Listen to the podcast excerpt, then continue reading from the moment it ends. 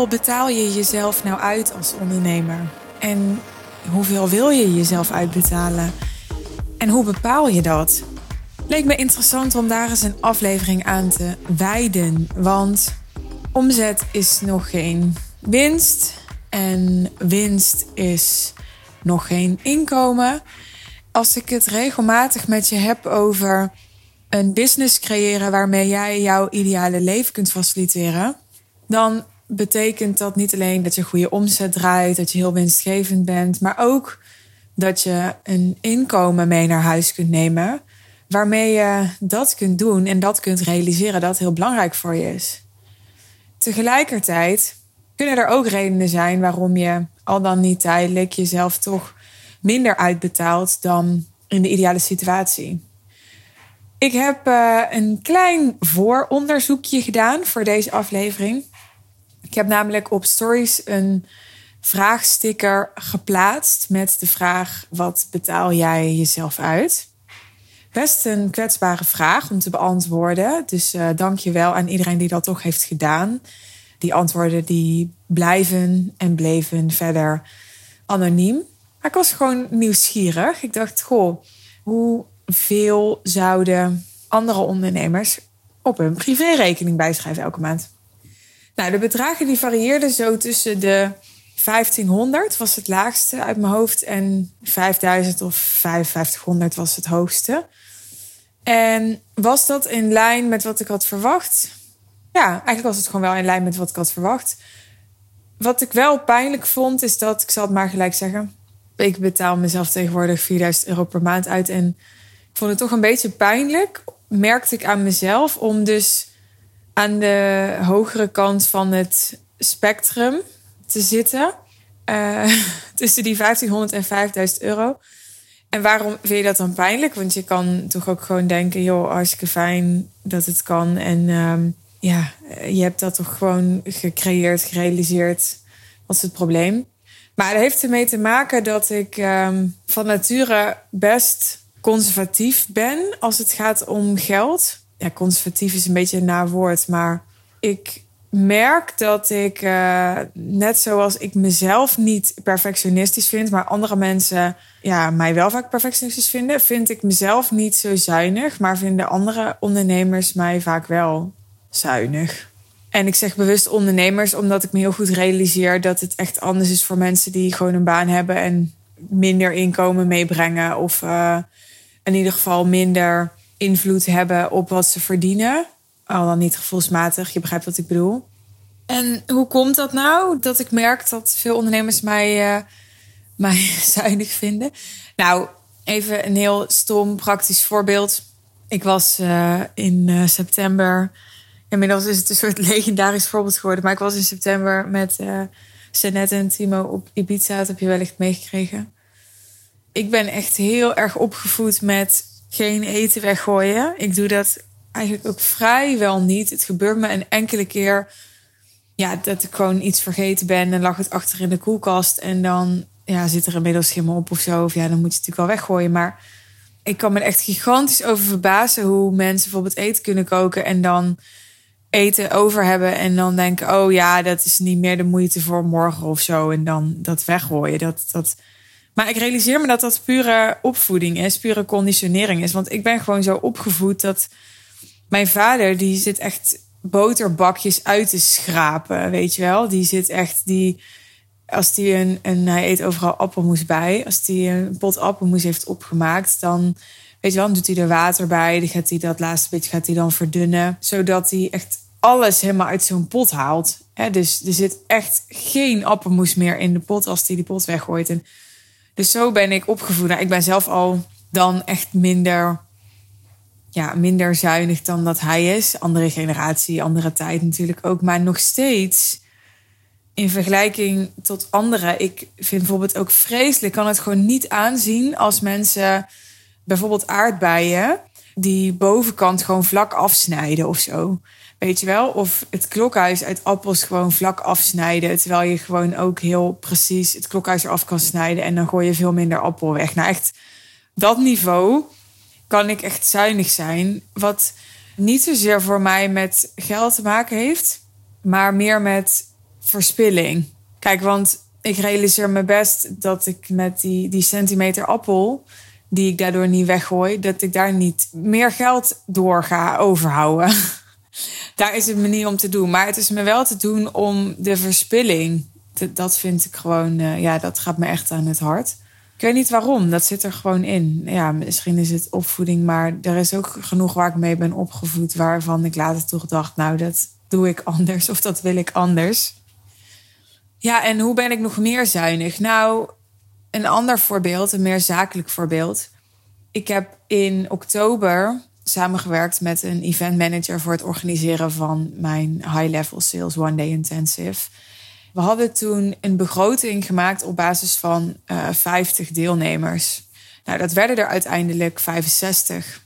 De event manager had zoiets van: Oh, nou mooi, dan, dan hebben we meer budget, want dan zijn er meer tickets verkocht. Dus dan kunnen we ook meer kosten maken.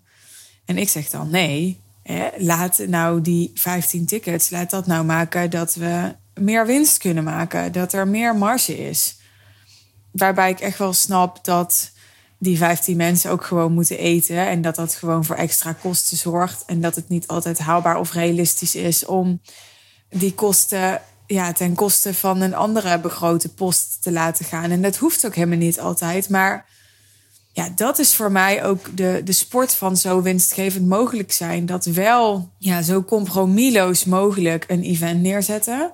En tegelijkertijd heel scherp zijn in de begroting die je maakt en je daaraan houden. Zo scherp mogelijk.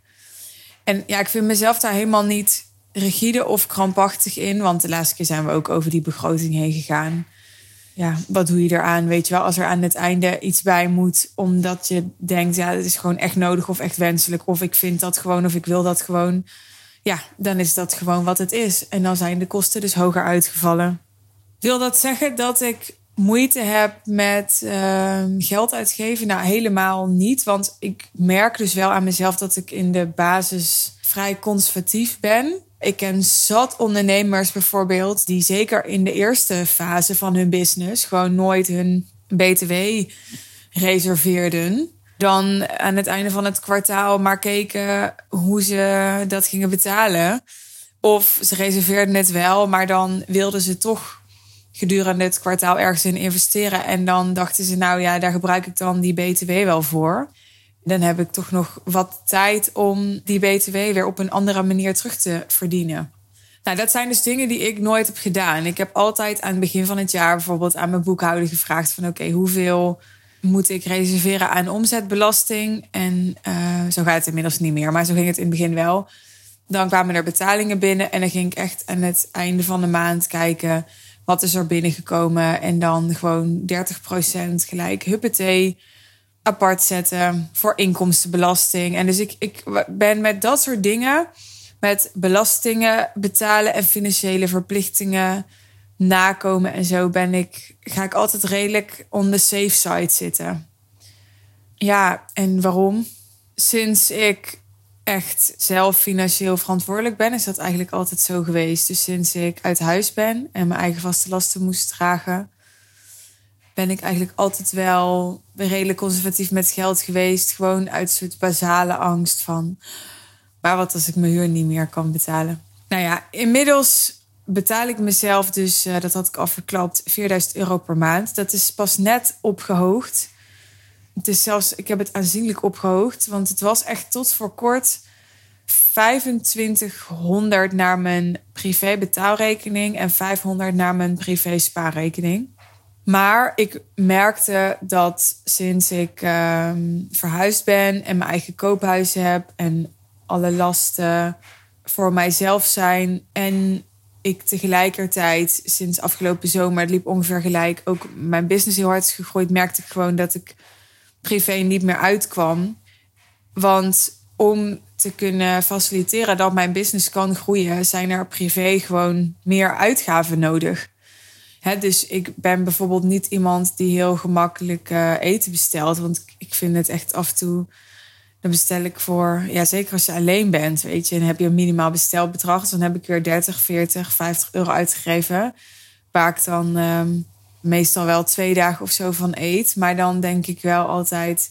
Nou, als ik er echt over nadenk, denk ik als ik biologische kip koop bij Hofweb, die ik in mijn eentje opeet, ben ik ook alleen al 10 euro kwijt aan die kip. Dus dan denk ik, ja, hoe als ik inderdaad 40 euro uitgeef en ik leef daar of ik eet daar twee dagen van, althans twee maaltijden, ja, dan is het ook wel weer te overzien, vind ik. Maar goed, even terug naar de kern.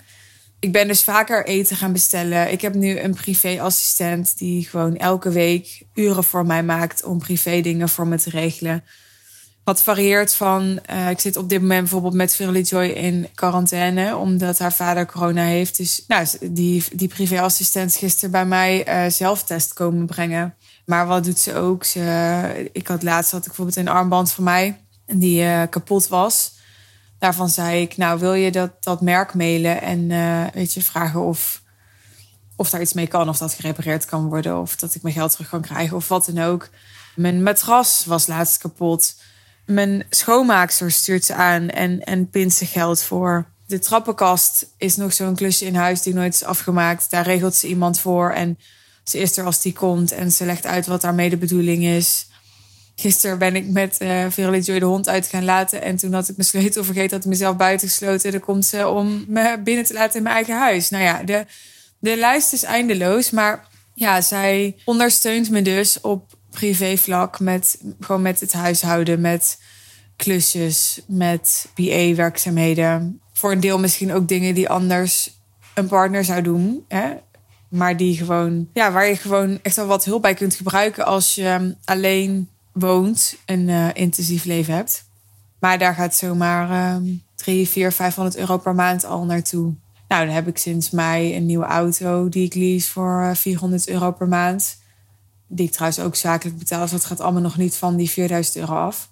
Voor de rest ben ik wel vrij strikt in privé betalen wat privé is. En ben ik niet zo'n heel creatieve boekhouder, omdat ja, is ook weer mijn karakter. Ik weet dat ik misschien uh, veel meer nog zakelijk zou kunnen doen. Maar ik vind het ook fijn om gewoon echt een eerlijk, realistisch beeld te hebben van hoeveel winst heb ik nou daadwerkelijk gemaakt.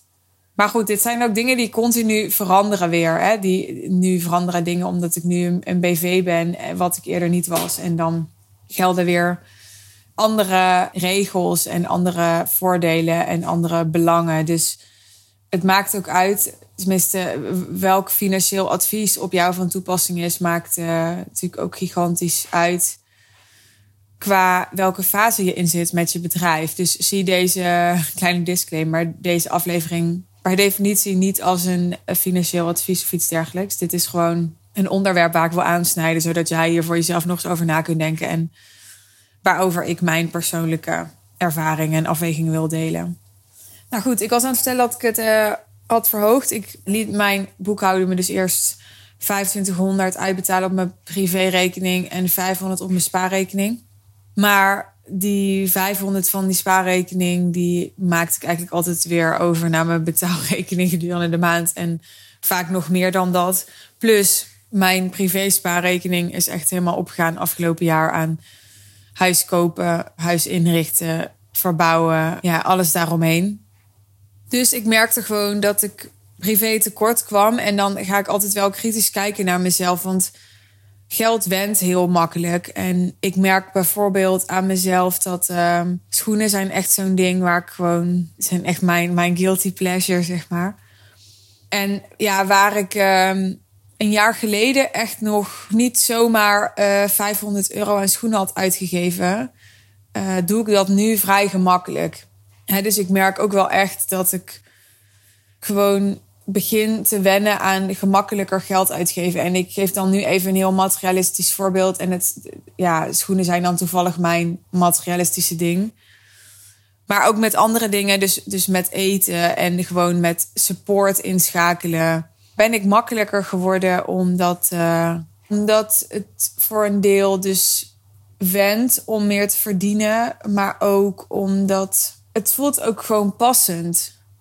Weet je, het voelt ook gewoon passend om als je een ondernemer bent die een miljoen gaat verdienen, om dan gewoon helemaal daar oké mee te zijn om op schoenen van 500 euro te lopen. Waarmee ik niet wil zeggen, want ik ik snap dat deze opmerking heel snel verkeerd geïnterpreteerd wordt. Ik wil hiermee niet zeggen dat, dat als jij op schoenen van 30 euro loopt, terwijl je een miljoen verdient, dat dat dan niet zou mogen of niet. Snap je? Je kan het niet omdraaien. Maar ja, ik denk wel, als jij op een gegeven moment gewoon een heel succesvolle ondernemer bent en je rijdt echt nog in een rammelbak, dan het doet iets met je identiteit. Het doet iets met wat je tolereert, wat je toestaat. En het gaat er niet om dat je een, een dikke bak nodig hebt om te laten zien dat je geld hebt. Daar gaat het niet om. En nogmaals, je moet het niet omdraaien, maar het gaat er wel om als je in een rammelbak rijdt. Waar ook gewoon regelmatig iets mee is. En dan moet hij weer naar de garage waar je gewoon gedoe van hebt. Die die minder comfortabel is. Weet je wel, dat, het, dat je daarmee inlevert op kwaliteit. En er zit natuurlijk nog iets tussen een rammelbak en een uh, dikke auto van een ton. Hè? Ik bedoel, ik, eh, dat snap ik. Dus ik chargeer nu een beetje. Maar wat ik wilde zeggen is, het voelt voor mij dus ook passend om mezelf toe te staan binnen bepaalde kaders en grenzen om meer uit te geven aan mezelf. Omdat ja, ik ben de one million dollar racehorse in mijn bedrijf. Hoewel ik het niet allemaal meer alleen doe en kan, zit ik nog wel steeds in de situatie dat als ik er morgen niet meer ben, dan acht ik de kans dat mijn bedrijf gaat overleven vrij klein. Dus nog steeds ben ik van cruciaal belang voor het bedrijf. Ik vind dat ik me daar dan ook naar te gedragen heb en dus ook dan mezelf mag geven in die rol wat ik nodig heb. En zijn schoenen van 500 euro of van 400 of van 800. Het gaat niet om het bedrag, hè, want misschien denk je ook, vind 500 euro helemaal niet veel. Maar ik heb geloof ik laatst van 650 gekocht. Dus het gaat eigenlijk niet om het bedrag, maar het gaat erom dat ik echt al jaren geleden in, in alle journals die ik heb volgeschreven en visualisaties die ik heb gedaan. En ik heb zoveel mindmaps gedaan, vol met alle kenmerken van mijn ideale leven. En er stond altijd op: ik wil gewoon elke maand designerkleding en designerschoenen kunnen kopen als ik dat wil. Dat was toen veel belangrijker voor me dan nu, want nu boeit het me eerlijk gezegd vrij weinig nog. Maar het, ja, waar een ander bijvoorbeeld een hele luxe vakantie wenst, waar ik weer minder verlangen op heb zitten. Ik wil niet zeggen dat ik nooit op luxe vakantie ga wil, dat is een ander verhaal. Maar dat is gewoon persoonlijke voorkeur. Zo heb ik altijd heel graag uh, mezelf in de gelegenheid willen brengen om uh, niet naar de prijs te hoeven kijken als ik schoenen of kleding koop. Ik heb nog steeds uh, een kledinghanger getatoeëerd onder mijn voet. Kleding en styling en zo, dat was soort van mijn eerste liefde. Het was mijn eerste bedrijf. Het was dat. En hoewel ik nu, terwijl ik deze podcast opnemen gewoon in mijn pyjama zit. En ik echt by far niet meer de Suus ben die ik was in mijn modetijd. Gaat, dat stukje gaat nooit helemaal weg. Ik ga daar altijd heel veel affiniteit mee hebben. Met kleding en met styling en zo. En, en ik kan ook echt, echt me heel blij voelen als ik aandacht heb besteed aan wat ik aan heb. Of als ik schoenen draag die ik mooi vind. Of, of dat. Het gaat ook echt niet voor mij alleen om de buitenkant. Eigenlijk helemaal niet. Het gaat uiteindelijk altijd om welk gevoel krijg je erdoor om dat te doen of te hebben of te dragen of te kopen. Nou ja, goed. Ik heb mezelf dus loonsverhoging gegeven pas vrij uh, recent. En ik stel mezelf dan een kritische vraag omdat ik ben altijd heel bang. Dat heeft ook met dat conservatieve te maken. En terwijl ik zeg ik ben heel bang, vind ik het heel stom om dat te zeggen. Want ik wil helemaal geen bang persoon zijn. Maar het is wel zo, als ik eerlijk ben. Ik ben altijd bang dat ik afhankelijk word ook van geld of van een inkomen. dus ik ben bang om te wennen aan een levensstijl. Natuurlijk hangt daar ook aan vast de angst dat ik het me op een dag die levensstijl niet meer kan permitteren. En ergens weet ik dat als ik nu zuiniger zou moeten leven, dan dat dat kan. Dat ik dat kan en dat dat misschien niet altijd leuk is, maar dat ik daar ook echt niet ongelukkiger van uh, hoef te worden. En toch ja, ben ik bang voor de confrontatie dat er misschien een dag komt dat ik de lat die ik voor mezelf heb gelegd qua inkomen, dat ik die niet meer haal of zo. Ja, daar ga ik gewoon doorheen dan. Want die angst is, uh, ja, is eigenlijk irrationeel. Helemaal niet wat me nu dient en ook helemaal niet wat past bij hoe ik wil leven. Ik wil namelijk leven vanuit overvloed en ik wil leven vanuit vertrouwen. Ook het vertrouwen in mezelf dat, dat ik inmiddels zoveel skills heb waarmee ik geld kan verdienen. Dat, weet je, al ga ik morgen failliet en moet ik opnieuw beginnen, die skills die neemt niemand me af. En daar kan ik altijd morgen weer geld mee verdienen. En als dat niet direct op het gewenste niveau is en het gaat helemaal niet om die 4000 euro, weet je, die 4000 zou ook 10.000 kunnen zijn. Nogmaals, die, die bedragen, daar gaat het me niet zo om. Maar als dat niet direct op het gewenste niveau is, nogmaals, dan, dan is dat ook niet erg. Ik bedoel, het grootste deel van mijn leven heb ik niet kunnen leven met het financiële comfort dat ik nu heb. Dat was ook oké. En terwijl ik financieel comfort zeg, denk ik, ja, dat klinkt dan ook heel comfortabel, maar er staat tegenover. En daarom gun ik mezelf ook echt dat financiële comfort. Niet dat er iets tegenover moet staan, dat ik het moet verdienen of zo. Dat, dat is ook raar om te zeggen. Maar ik draag ook veel verantwoordelijkheid. Dus nogmaals, dan. Het is gewoon niet logisch als jij de, de leider bent of de directeur bent of de verantwoordelijke bent om dan op jezelf te gaan lopen beknibbelen. Het is gewoon niet, weet je, los van mijzelf als persoon, maar dat is ook gewoon business-wise niet slim. Dat is wat, wat in corporate omgevingen ook niet gebeurt. Weet je, daar krijgen directeuren ook gewoon hele goede salarissen, omdat ze heel veel verantwoordelijkheid dragen. Dus ik, um, ik krijg nu, ik krijg nu, ja, ik krijg het eigenlijk wel. Ik krijg het van mijn bedrijf 3000 euro op mijn betaalrekening en 1000 euro op mijn spaarrekening. Om een beetje die spaarrekening weer te spekken. Maar ja, ik moet er dus echt voor oppassen dat ik dan die 1000 euro op mijn spaarrekening laat. Niet dat ik de discipline niet heb om er niet aan te komen. Maar ik merk gewoon dat ik inmiddels uh, ja, wel een uh, uitgavenpatroon heb. Wat gewoon meer naar standaard 4000 gaat dan standaard 3000. Dus dat is omdat ik gewoon ook veel meer in de afgelopen jaren, en dat is wat high-end werken echt met me heeft gedaan. Ik ben veel meer gaan kiezen voor kwaliteit. Dus ik bestel mijn boodschap altijd bij Hofweb, dat is een biologische winkel. Als ik wel eens bij een Albert Heijn kom, wat al bijna niet gebeurt, dan is dat echt omdat ik ja, een keer iets tekort kom of zo.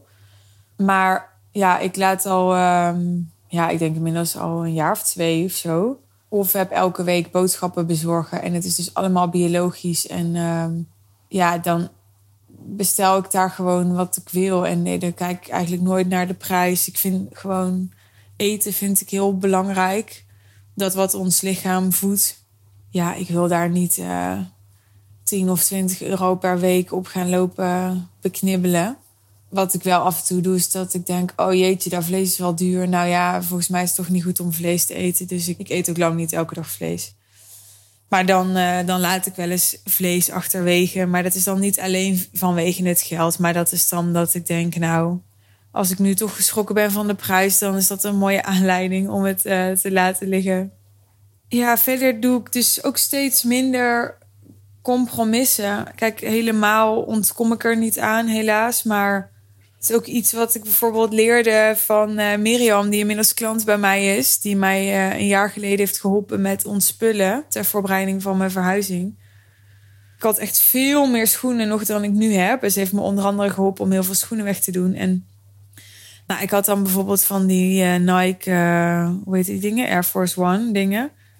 Ja, ik zat dan van, ja, maar die kun, kun je nog wel schoonmaken. En kan je nog wel dit en dan kan je nog wel dat. En, uh, en Mirjam zei dan gewoon, ja, maar het is ook oké om als je ze een paar jaar hebt, gewoon te zeggen, ik doe ze weg en gewoon dezelfde opnieuw te kopen. En dat was zo, dat ging zo in, dus ook weer tegen hoe ik altijd ben opgevoed. Dat was altijd, je droeg iets of je gebruikte iets totdat het kapot was. Weet je wel, niet totdat het niet goed genoeg meer was, omdat er niet goed genoeg meer uitzag of zo. Maar door meer high-end te gaan werken, ja, ben ik mezelf veel meer gaan toestaan om te leven met de, de essentie. En ook te leven met dat wat, wat echt klopt. Dat betekent soms dat ik dus bijvoorbeeld kleren die ik dan nog helemaal niet vaak gedragen heb of helemaal niet lang heb, dan toch na een paar maanden weer weg doe. En ik doe ze dan niet letterlijk bij het grof vuil, maar ik breng ze dan vaak bij een tweedehands winkel of zo. Gewoon omdat ik mezelf toesta om te zeggen: ja, ook al heb ik ze nog helemaal niet lang. Ik voel gewoon dat de Suus die, die dat toen kocht, ook is maar een paar maanden geleden, die is er nu niet meer. Of die zou dat nu niet meer kopen. Als ik een leven wil waarin alignment is, dus waarin mijn omgeving en dat wat ik gebruik en, en de mensen met wie ik ben en hoe ik mijn tijd indeel en al die dingen, als ik wil dat dat klopt, dan hoort daar ook bij dat ik soms het mezelf toesta dus om keuzes te maken die op het eerste gezicht ja, financieel zonde of onhandig lijken.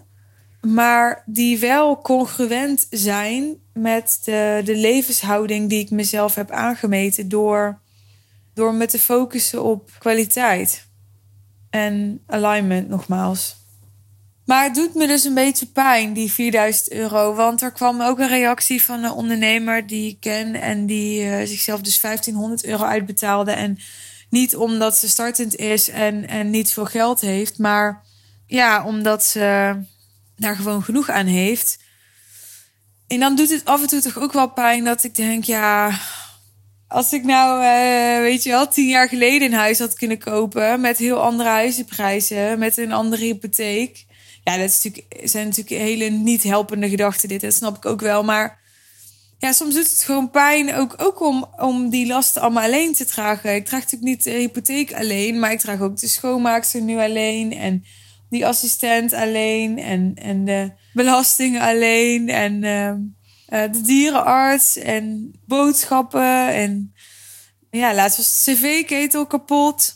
Het is gewoon, het kost gewoon veel geld om alleen te wonen, terwijl uh, dat ik daar, daar natuurlijk niet echt van luxe voor gekozen heb. Ik ben er helemaal oké mee hoor nu, maar dat is wat anders dan dat het natuurlijk niet het initiële plan was. Dus dat, uh, ja, dat doet wel spijn dan. Om daarin ook wel uh, de financiële consequenties te zien en te ervaren. Want 1500 of 4000 is nogal een verschil. En uh, ja, het is allemaal geld elke maand weer. Die ik niet uh, investeer in uh, financiële onafhankelijkheid in de toekomst of zo. Waar ik ook oké mee ben, want dat is op dit moment ook niet wat mijn prioriteit heeft. Ik ben nu echt nog gefocust op mijn bedrijf laten groeien en uh, daar überhaupt de winst uit te halen. Om inderdaad uh, te gaan investeren in die financiële onafhankelijkheid.